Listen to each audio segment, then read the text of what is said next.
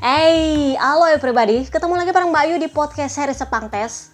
Sebelumnya gue minta maaf kalau minggu lalu biasanya gue posting dua podcast jadinya cuma satu. Ya karena memang kita lagi long weekend plus gue lagi di negara orang mau dibilang nonton sepang tes juga enggak karena gue cuma nongol sejam di sana terus pulang lagi. Karena gue sebenarnya ada urusan lain bukan cuma sepang tes. Dan admin akun juga lagi riwa sama persiapan dia mau hari raya karena dia juga punya keluarga. Dan you know ya kalau perayaan itu ada keluarga terlibat di sana biasanya lu lebih riwah karena yang dimasak banyak banget dan mereka harus persiapkan banyak hal. So kali ini sudah pasti bakal jadi dua part part kedua akan diposting keesokan harinya mungkin sekalian dengan livery KTM karena besok juga bakal launching KTM kan ya.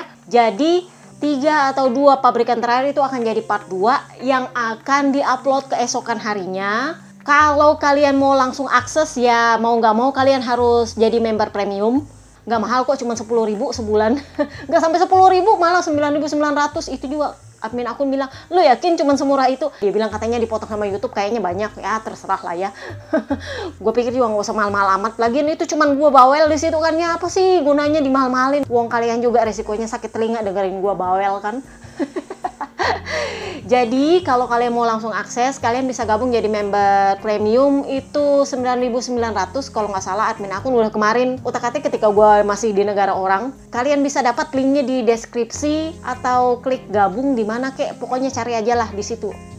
Katanya admin buat sedemikian rupa supaya kalian tahu di mana bisa ngekliknya. Itu kalau kalian mau akses langsung. Kalau nggak ya udah tunggu aja tiga hari baru buka gembok kak.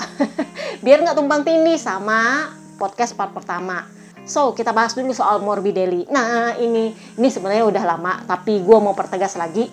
Morbidelli kemarin itu memang sebenarnya niatnya adalah mau ke Sepang tes karena dia pikir dia nggak kenapa-kenapa. Tetapi sepertinya sesuatu terjadi sampai dokter itu meminta untuk dia menghentikan semua aktivitas olahraga selama tiga minggu dan itu artinya dia nggak akan ikut sepang tes dan nggak akan ikut Qatar tes. Jadinya dia hanya bisa langsung turun ke trek di Qatar GP. Dan artinya dia baru bisa merasakan Desmo GP 2024 langsung di trek Qatar saat balapan. Challenging nggak tuh? gue tuh kepikiran banget sama dia sampai kemarin gue tuh fangsen biasanya kan orang kalau fangsen imlek itu buat dirinya sendiri buat keluarganya buat orang yang dia cintai gue fangsen buat Frankie Morbidelli coba. Sempet gue ditanyain yakin lo gue pikir ya kan gue bisa fungsi untuk diri gue sendiri kapan-kapan lain hari. Kan nggak harus sekarang tapi karena gue kepikirannya sekarang sama Morbidelli jadinya ya gue vaksin buat dia. Nggak tahu apakah itu pengaruh bakal dihitung atau enggak gue nggak tahu. Pokoknya yang penting gue vaksin buat dia aja. Semoga karirnya lancar dia sehat selalu nggak ada masalah. Pokoknya semua beban-beban yang ditanggungkan ke dia yang sebenarnya bukan salah dia itu dilepesin. Ya sekali lagi gue bilang itu keputusan langit mau ngitung apa kagak. Tapi gue bener-bener ngarep semoga dia baik-baik aja musim ini. Ini sejak awal memang jadi kekhawatiran gue ketika gue tahu bahwa dia sempat pingsan. Dan semakin khawatir gue waktu Alex Marquez bilang sebenarnya Morbidelli itu mereka dapati enggak bernafas jadi sebenarnya mereka dapati itu Morbidelli itu nggak bernapas di trek. Itulah kenapa Mark Marcus memiringkan badannya supaya dia bisa bernapas. Jadi Alex bilang begitu dia miring badannya, kita buka helmnya, buka baju balapnya, eh dia bisa bernapas lagi. Tapi kita mesti nunggu sekitar 2 menit baru datang tuh petugas medis buat meriksa dia. Tapi pada akhirnya dia baik-baik aja. Jadi ya sudah lah ya namanya juga kita saling tolong menolong. Itu hal yang biasa, nggak usah dibesar-besarin. Gue suka caranya para markes ini untuk meredam hure-hurenya media ABR. Kalau kemarin gue bilang apakah Morbidelli akan baik-baik saja kalau nggak ditolong Mark? Jawabannya adalah tidak. Kalau nggak ada Mark di situ mungkin dia nggak baik-baik saja. Jadi itulah kenapa kemarin gue bilang tolong dikontrol emosinya FBR jangan nyinyi-nyinyi dulu sebelum tahu ceritanya karena feeling gue udah mulai jalan dan bam Tiba-tiba muncullah pengumuman bahwa Morbidelli diwajibkan untuk tidak melakukan aktivitas olahraga selama tiga minggu. Itu artinya dia melewatkan sepang tes dan karena dia melewatkan sepang tes gue cuma nongol satu jam aja di sirkuit terus balik lagi males. Karena gue sebenarnya mau lihat dia doang kemarin ke sepang tuh. Karena dia nggak ada ya udahlah gue ngurus urusan lain. Kemudian yang kedua dia akan melewatkan Qatar tes jadi dia baru bisa mengendarai Desmo GP 2024-nya untuk pertama kali di Qatar langsung balapan. Kenapa? Karena di Valencia kemarin dia baru pakai Desmo GP 23. Karena kan dia ibarat kata anak baru nih, kenalan dulu nih sama yang lama, baru pakai yang baru. Karena yang baru di Valencia kemarin baru diuji oleh Enia sama Peko dan sudah pasti itu nggak akan mudah. Mark Marcus aja yang pakai motor yang udah lengkap pengembangannya itu masih butuh waktu. Apalagi seorang Franco Morbidelli yang dari mesin inline ke V4. Bayangkan Mark Marcus yang dari V4-nya Honda ke V4-nya Ducati aja masih susah adaptasi, apalagi dari inline ke V4 nggak gampang. Jadi ya semoga gue salah bahwa pada akhirnya dia akan mampu beradaptasi dengan baik dengan Desmo GP 24-nya dan tahun ini paling nggak dia ada di podium. Di tahun pertama dia, paling nggak. Semoga gue salah, karena kan gue bisa salah. Karena gue tahu potensinya Morbidelli sebenarnya bagus. Cuman ya, itulah unfortunately even. Kemarin ada yang tanya, apakah dia punya santan instan sama Yamaha? Dia nggak ada santan instan sama Yamaha, Yamaha yang ada santan instan sama dia. Makanya gue bingung, dia ini sebenarnya ada apa? Setahu gue ini anak baik-baik aja, kecuali waktu dia libur di Brasil kemarin ada apa-apa, kita nggak tahu. Tapi kalau memang nggak ada apa-apa selama dia liburan di Brasil, itu artinya dia lagi nabung santan instan baik. Ala-ala Papa Alis ketika tahun lalu. Masih ingat? Yang dia udah jatuh, diseruduk sana-sini, cedera nggak beres-beres gitu. Coba lihat deh tahun ini. Pakai motor pabrikan, dapat tim paling kaya raya di trek, jalan-jalan ke Amerika. What else? Jadi ya kalau menurut gue kalau memang nggak ada yang salah selama dia liburan ya semoga ini adalah santan instan baik dia yang lagi ditabung dan semoga ini juga menjadi santan instan baik untuk si cemen Jordan maling kundang untuk mengurangi ya sedikit bunga santan instan dia tahun lalu. dia masih banyak utang soalnya di sana. So, karena Morbidelli nggak hadir di Sepang Tes kemarin, dia digantikan sama Michelle Piro yang sebenarnya kalau menurut gua adalah sebuah manfaat bagus juga karena itu artinya Michelle Piro lanjut menguji part-part baru. Jadi kemarin setelah di shakedown dia menguji firing barunya Desmo GP24 kemarin di Sepang Tes dia menguji firing baru dengan sirip tiga sirip di kiri kanan tapi karena belum dicoba oleh Peko dan para rider Ducati lainnya jadi belum ada tanda-tanda ini bakal dipakai untuk apa dan bagaimana tetapi kemarin para rider motor pabrikan itu sudah menguji firing baru Desmo GP24 dan semuanya suka. Memang calon ikan hiu resmi batal itu sempat nggak suka. Jadi dia sempat mengujinya di hari pertama. Terus dia bilang, oh gua nggak suka sih, efeknya agak beda. Dan itu bikin gue susah untuk ngerem dan mengendalikan motor. Tetapi di hari kedua dia mulai suka. Kenapa? Karena dia mulai bisa mengejar Enea Bastianini. Jadi ya memang ini agak-agak lucu kalau menurut gue ceritanya. Jadi di hari pertama Jorge Martin itu seolah-olah dalam tanda kutip membuktikan bahwa dia layak untuk si tim pabrikan. Gua nih tukang pecahin rekor nih. Jangan pandang enteng gua. Gua tahun lalu itu kandidat Jurdun. Nah sekarang gua masih sanggup nih cepat. Gua masih bisa nih pecahin rekor. Eh hari kedua Enia Bastian ini. Oh tunggu dulu bro gua yang punya seat. Lu nggak bisa segampang itu ngambil seat gua. Pem dia patahkan rekornya Jorge Martin. Yang lucu adalah hari ketiga Peko Banyaya yang dua hari anyep aja ngurusin part dia akan menguji part karena dia yang akan memutuskan part mana yang akan dipakai mesin mana yang akan dipakai pengembangan seperti apa yang akan dipakai. Jadinya dia itu fokus selama dua hari adalah untuk menguji part dan menguji setup dan segala macamnya Jadinya di hari ketiga mulailah muncul. Peng, dia patahkan semua itu rekor. Seolah-olah bilang kayak gini, Hey, I am the king here and I rule my kingdom. Gua yang atur kerajaan gua. Kalian boleh kelahi siapa yang mau jadi adipati gua, silakan. Tetapi gua rajanya. Jadi nggak ada yang bisa kejar dia. Enia Bastianini bukan tanpa usaha juga berusaha untuk mematahkan rekor. Jorge Martin mati-matian ngejar nggak bisa Makanya si Peko, gue suka cara dia yang tetap selai sih. Tahu nggak dia bilang apa dengan rekor secepat itu? Dia bilang apa? Ya sebenarnya itu catatan waktu dengan kesalahan di dua tikungan loh. Bayangin, kesalahan dua tikungan, dia bisa patahkan rekor segitu. Lu bayangin kalau dia nggak bikin kesalahan di dua tikungan. Itu yang pertama. Yang kedua dia bilang apa? Oh itu dicetak dengan tangki penuh. Lu bayangin kalau tangkinya sudah gak penuh. Jadi dia bilang ya kalau saya hitung-hitung sih kalau saya nggak punya kesalahan dua tikungan plus tangki saya itu nggak sepenuh itu kemungkinan saya bisa lebih cepat sekitar seperdelapan sampai satu detik. Eh buset. Gue tuh yang mikir ini sepertinya memang wajar ketika pabrikan lain minta mereka ini sedikit dikebiri dikebiri aja sudah begitu cepatnya coba. Jadi ya ya ya memang Papi Tardo sih agak-agak masih tetap uh sakit hati. Jadi dia bilang gini, Ya kami mengerti, mengerti bahwa memang Honda dan Yamaha itu bisa diberikan keuntungan boleh, tetapi mengambil keuntungan itu dari kami itu tidak adil. Kenapa? Karena faktanya kami itu banyak dikurangi 60 sampai 70 set Sementara Aprilia dan KTM yang sebenarnya nggak kenapa-kenapa punya set ban yang lebih banyak dari kami. Apalagi Honda dan Yamaha jauh lebih banyak set bannya.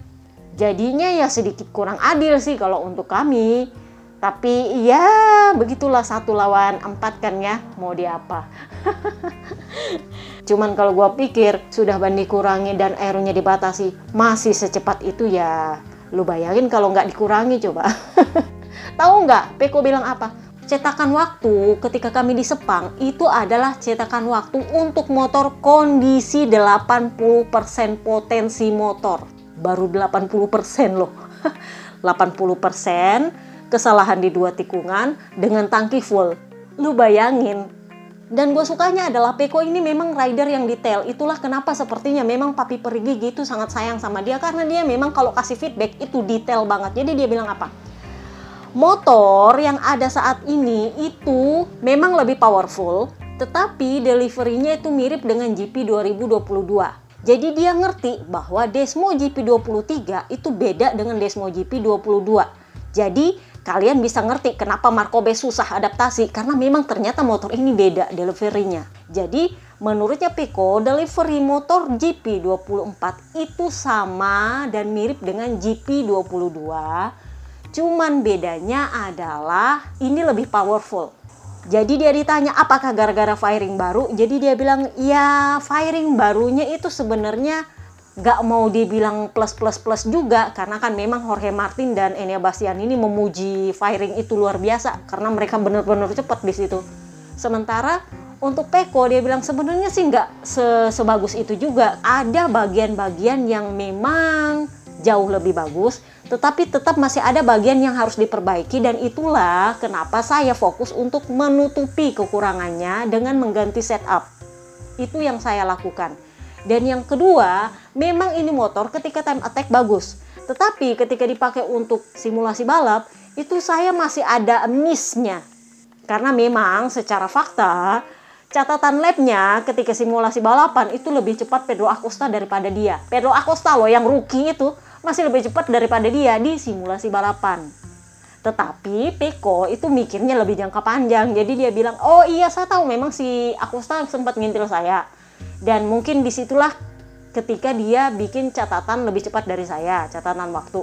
Tetapi saya tahu bahwa dia terlalu fokus ngintil saya sampai gara-gara itu dia melebar di tikungan satu. Itu adalah kesalahan rookie karena dia terlalu fokus sama tracknya dia lupa sama lainnya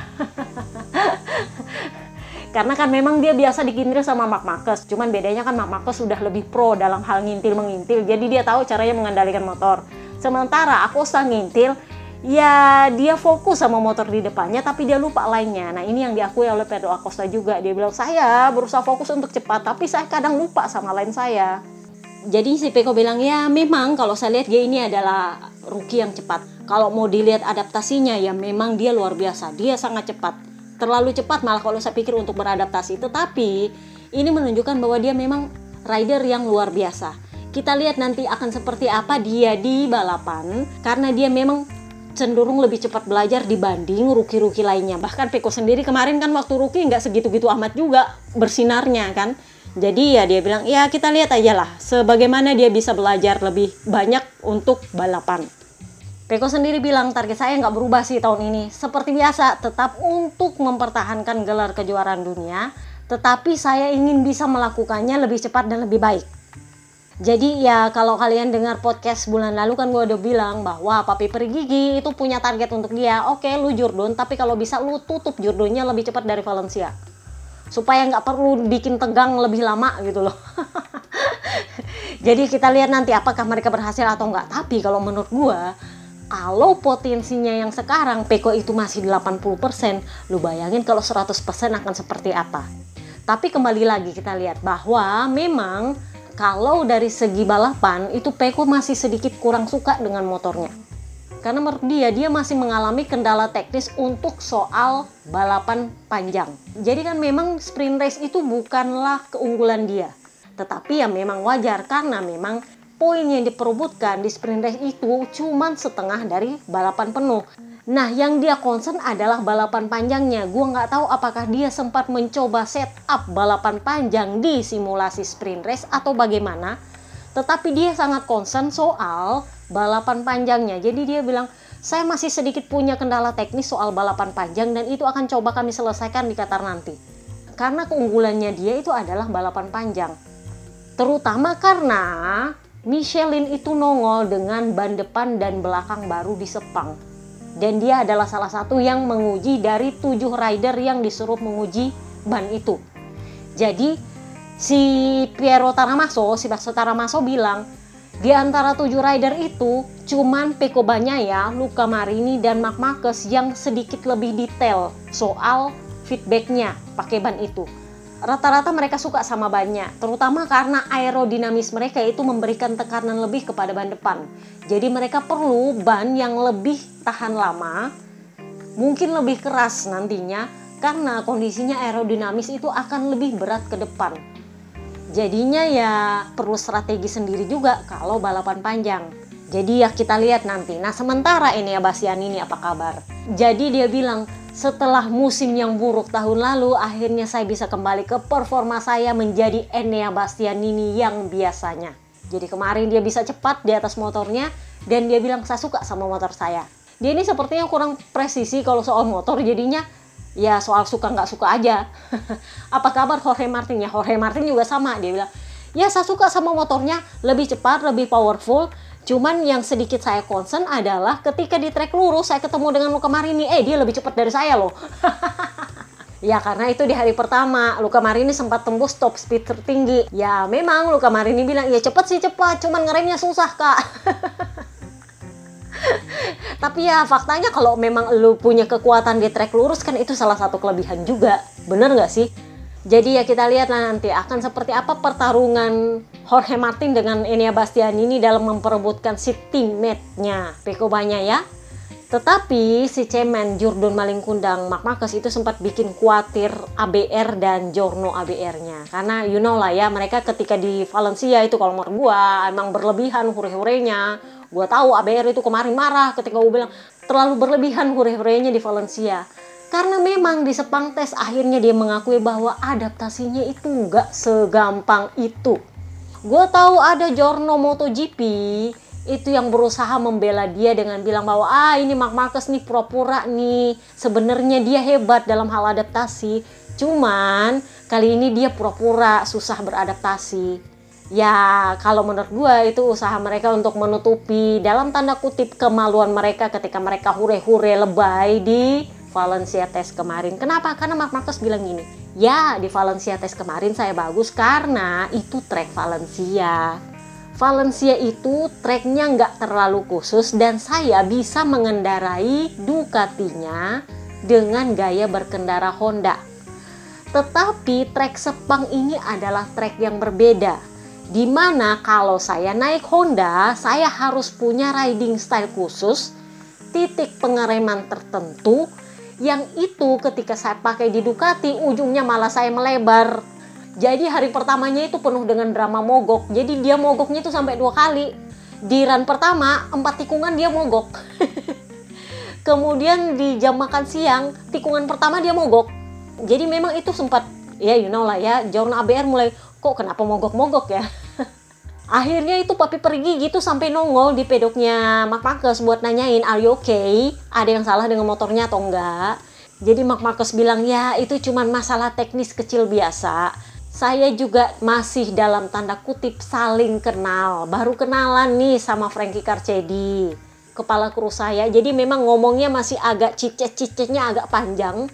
Beda dengan Santi Hernandez kan dia ngomong A, B, C. Santi Hernandez udah ngerti kan. Nah sekarang kan dia perlu pelan-pelan dulu nih. Jadi di hari pertama Sepertinya Karcedi masih belum terlalu ngerti dia maksudnya apa, kenapa bisa mogok. Tetapi akhirnya di hari kedua, mulailah mereka ngerti, oh ini ceritanya kayak gini sampai dia mogok. Jadi di hari kedua motornya udah nggak mogok-mogok lagi, tetapi di sisi lain para rider Ducati mulai tuh rebutan pecahin rekor. Nah dia juga tentu saja berusaha. Sayangnya dia akhirnya bilang ternyata memang di trek Sepang motor Ducati itu nggak bisa dikendarai ala Honda. Nah, sementara saya berkendara di trek Sepang itu sudah belasan tahun pakai Honda. Jadi saya itu butuh waktu untuk melepaskan habit saya di Honda. Mulai dari cara ngeremnya, mulai dari cara berkendaranya, untuk sepenuhnya belajar berkendara ala Ducati dan itu butuh waktu. Jadi itulah kenapa saya oke okay, nggak penting untuk jadi cepat, yang penting adalah bagaimana saya merubah kebiasaan saya dari Honda ke Ducati. Itulah kenapa dia menjajal 72 lap di hari kedua. 72 lap ngider-ngider doang itu cuma buat ganti riding style. Jadi lu bayangin V4 Honda ke V4 Ducati itu butuh usaha sebegitu banyak untuk adaptasi. Gue bisa expect Frankie Morbidelli agak susah nih buat Desmo GP 24-nya karena itu juga kan lagi dalam pengembangan jadi memang gue harapin semoga yang terbaik lah buat dia. Nah apa kabar Mark Marcus Mark Marcus juga ditanya jadi dia bilang ya sebenarnya saya nggak memaksakan apa pun dan saya nggak mengharapkan apa pun. Kenapa? Karena saya setuju dengan Luka Marini karena Maro tuh bilang Ducati itu lebih banyak memakai pengereman ban belakang ban depan itu baru dipakai setelah sampai masuk di tikungan tek langsung dalam dan cepat plek belok Nah sementara di Honda itu dia harus pakai rem depan lebih banyak. Nah itu dia butuh waktu untuk terbiasa. Nah sama juga Mark Marcus. Jadi dia bilang saya itu terbiasa pakai rem depan. Sementara motor ini itu harus pakai rem belakang duluan. Jadinya memang saya perlu untuk terbiasa. Jadi apakah saya akan ada di puncak podium? Saya rasa itu cepat atau lambat iya. Tapi kapan waktunya kita tidak tahu. Karena saya belajar dari Jorge Lorenzo yang pindah dari Yamaha ke Ducati pada akhirnya toh dia bisa menang juga. Tetapi soal waktunya itu yang jadi pertanyaan. Jadi saya ya tidak akan memaksakan diri saya. Yang penting bagi saya adalah adaptasi saya dan adaptasi saya harus terus membaik.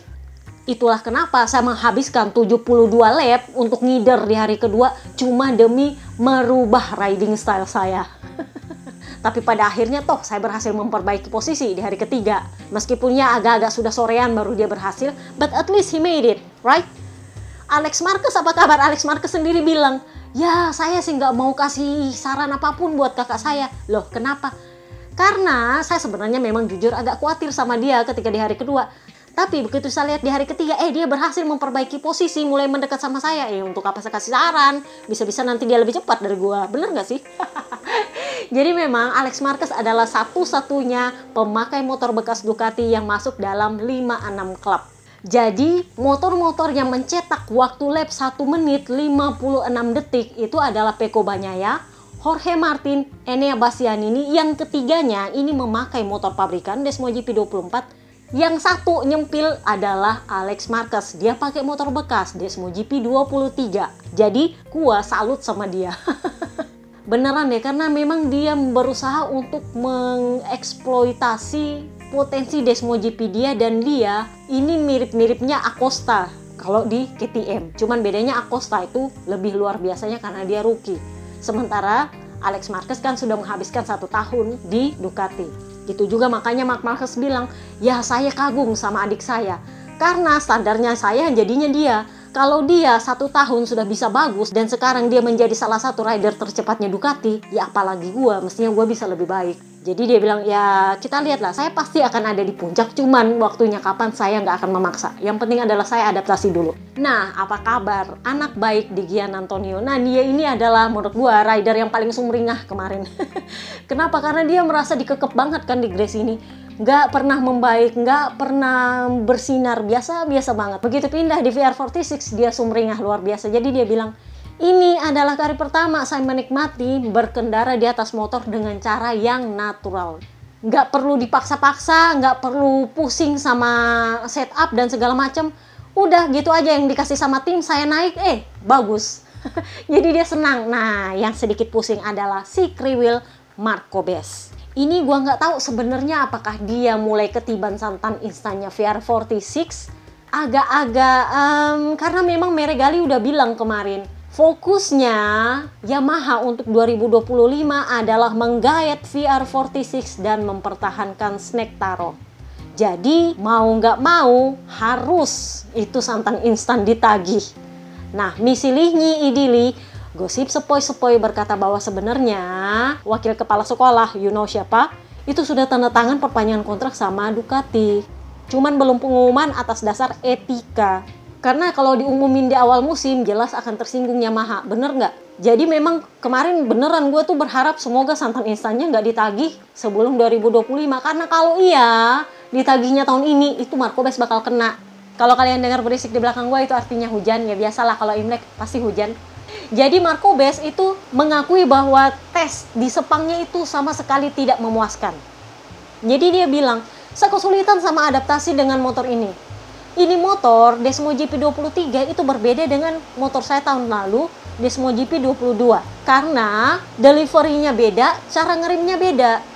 Jadi ini memang senada dengan Peko. Sepertinya memang anak-anak VR46 ini diajarkan untuk menjelaskan apa yang dia rasakan itu lebih detail. Karena Peko kan sendiri bilang bahwa Desmo GP24-nya itu sedikit mirip dengan Desmo GP22. Itu artinya Desmo GP23 memang berbeda dengan Desmo GP22. Nah, itu senada dengan katanya Marco Bes. Desmo GP23 saya ini beda jauh sama Desmo GP22 saya kemarin. Jadi saya butuh waktu untuk adaptasi dan itu tidak mudah Memang catatan waktu di tes Valencia kemarin bagus, tetapi saya harus jujur bahwa itu saya cuma cetaknya sekali dan setelah itu saya kesulitan. Jadi memang ketika saya berusaha time attack di Sepang, setiap kali saya time attack saya crash.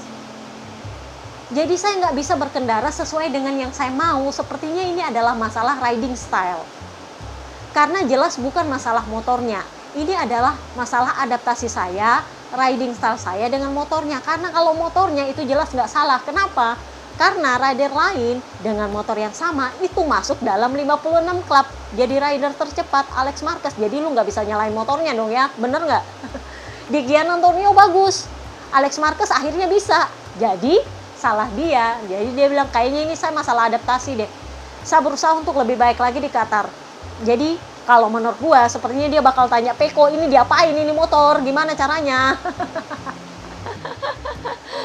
Wow berisik banget ya nah sekarang kita pindah ke Aprilia. Jadi seperti yang gua duga kemarin sebelum shakedown kan gua udah bilang Aprilia ini bakal nongol dengan aero yang aneh-aneh. Itu udah pasti. Pasti ala F1 dibawa. Jadi muncullah mereka bawa teralis jendela ala-ala krill prop dari F1 itu sebenarnya waktu pertama gue lihat gue agak-agak nggak ngerti konsepnya apa. Tapi setelah gue cari tahu ternyata itu adalah sensor. Jadi sensor untuk mengetahui aliran dan kecepatan angin ketika di track jadi mereka ngumpulin data selama rider ada di track kalau di titik ini aliran anginnya ke mana kecepatan anginnya berapa kurang lebihnya sih seperti itu untuk menganalisa aero apa yang cocok untuk dipakai jadi ini memang agak sedikit beda dengan Ducati. Ducati itu dibantu oleh Lenovo. Lenovo tahu nggak pakai cara apa? Pakai cara AI, Artificial Intelligence. Jadi gosip berhembus sepoi-sepoi, mereka punya garasi online juga di Cina sana yang mengumpulkan data dari semua rider Ducati di track untuk diolah pakai Artificial Intelligence lalu dibuatlah aero yang seperti apa, setup yang baiknya bagaimana dari riding stylenya mereka yang berbeda-beda untuk nanti menjadi solusi bagi pengembangan motor berikutnya. Nah, sementara Aprilia yang nggak pakai artificial intelligence juga, mereka pakai sensor ala F1 yang kayak teralis jendela itu ya memang untuk mengumpulkan data arah angin supaya bisa memutuskan pakai aero yang mana yang cocok. Karena kan aeronya mereka itu saking macam-macamnya aneh-anehnya jadinya banyak banget. Mulai dari spatboardnya itu sudah ada aero, di belakang juga ada aero, di firing juga ada, di bawah juga ada, jadinya memang banyak banget. Nah, yang sedikit agak-agak menggelitik gue adalah perbedaan pendapat di antara dua ridernya. Papa kembar sama Papa Nina agak-agak sedikit nggak match dengan masukan mereka soal motornya. Pertama kita bahas dulu soal Papa kembar. Jadi Papa kembar bilang, oh saya suka dengan motor ini. Lebih besar, lebih cepat, tapi lebih fisikal di saat yang sama. Kenapa? Karena ternyata motor ini cepat karena aeronya jadi aeronya itu yang bikin dia bisa cepat tetapi di saat yang sama itu lebih fisikal, lebih butuh tenaga untuk bikin dia nikung. Jadi ya secara keseluruhan memang ini motor sudah meningkat tetapi nah catatan tetap ada kekurangannya. Dia bilang apa? Kami butuh perbaikan di power ketika berada di gigi menengah ke atas. Jadi itu yang perlu kami perbaiki. Sementara yang lain ya di lintasan lurus sudah oke okay dan segala macamnya. Nah sementara Papa Nina, tahu nggak Papa Nina? Gue nggak tahu apakah dia ini detail apa nggak. Tahu nggak dia bilang apa? Yang berubah itu cuma aeronya doang. Mesin sama sasis itu masih tahun lalu punya. 99% sama dengan yang tahun lalu. Cuman aeronya yang berubah.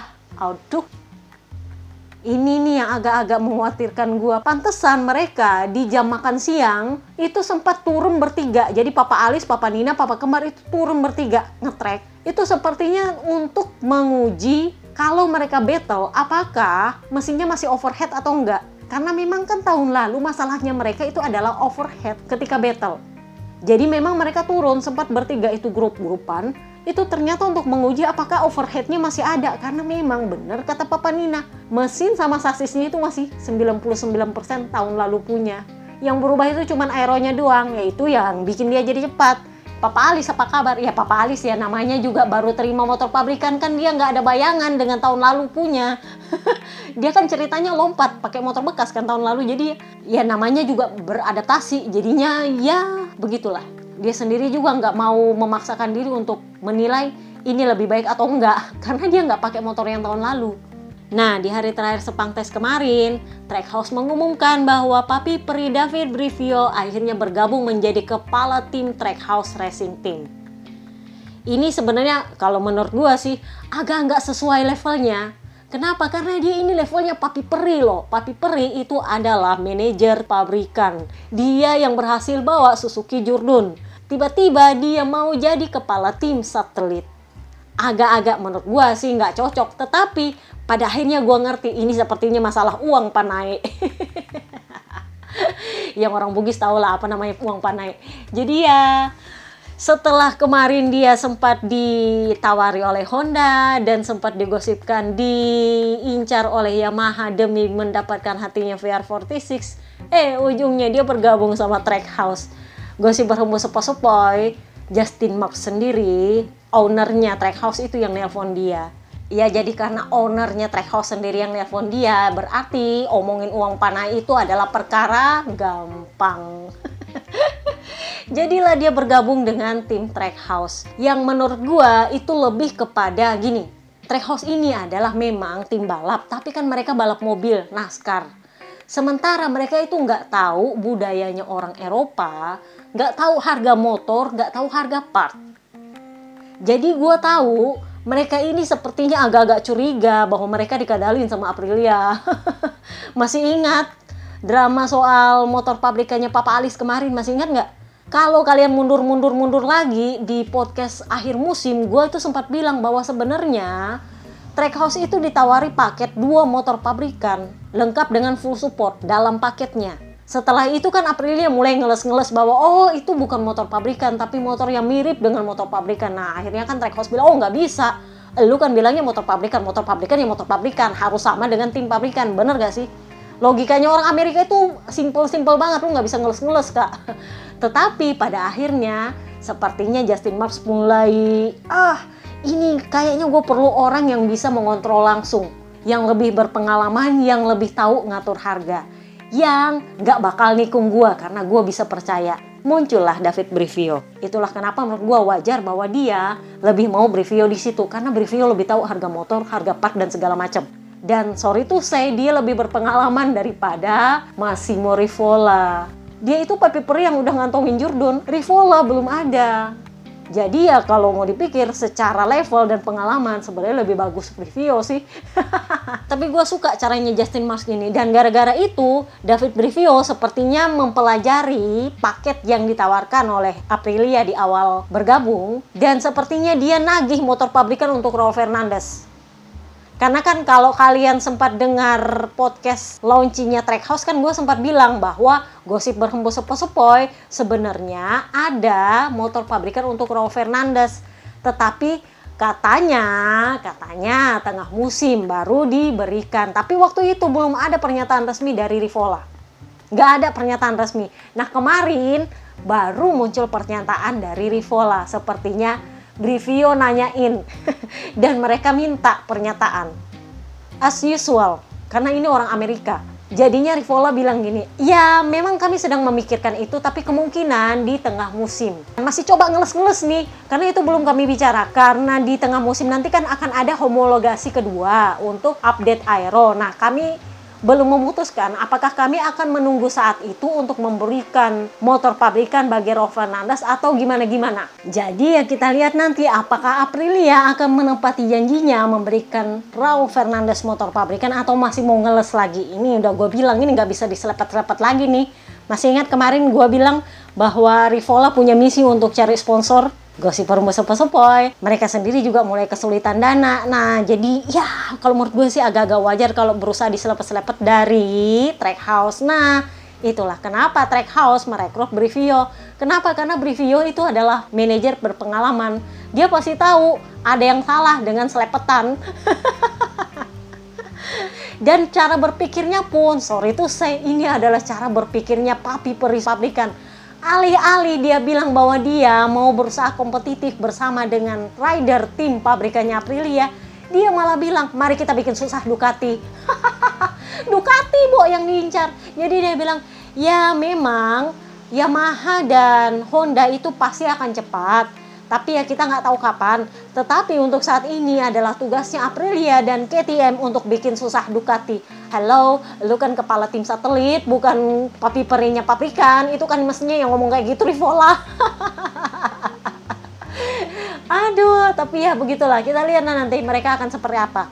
So, itu aja podcast kita kali ini. Sorry kalau panjang banget. Tiga pabrikan berikutnya akan ada di part 2. Besok baru di-upload bersama dengan liverynya KTM yang mau keluar. Sorry kalau background gue agak berisik karena emang lagi hujan dan hari ini gue dapat hotkey dari motor gue.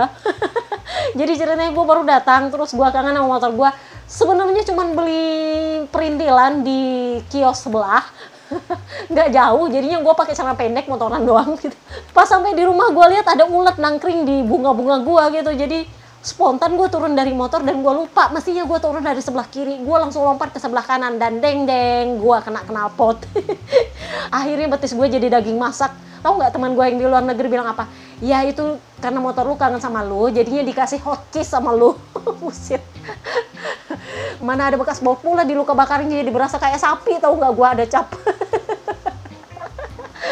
Aduh ya udahlah Oke, okay, oke, okay, see you next part guys. Jangan lupa kalau kalian mau dengar podcast part 2-nya langsung jadi member aja kalau nggak ya udah tungguin buka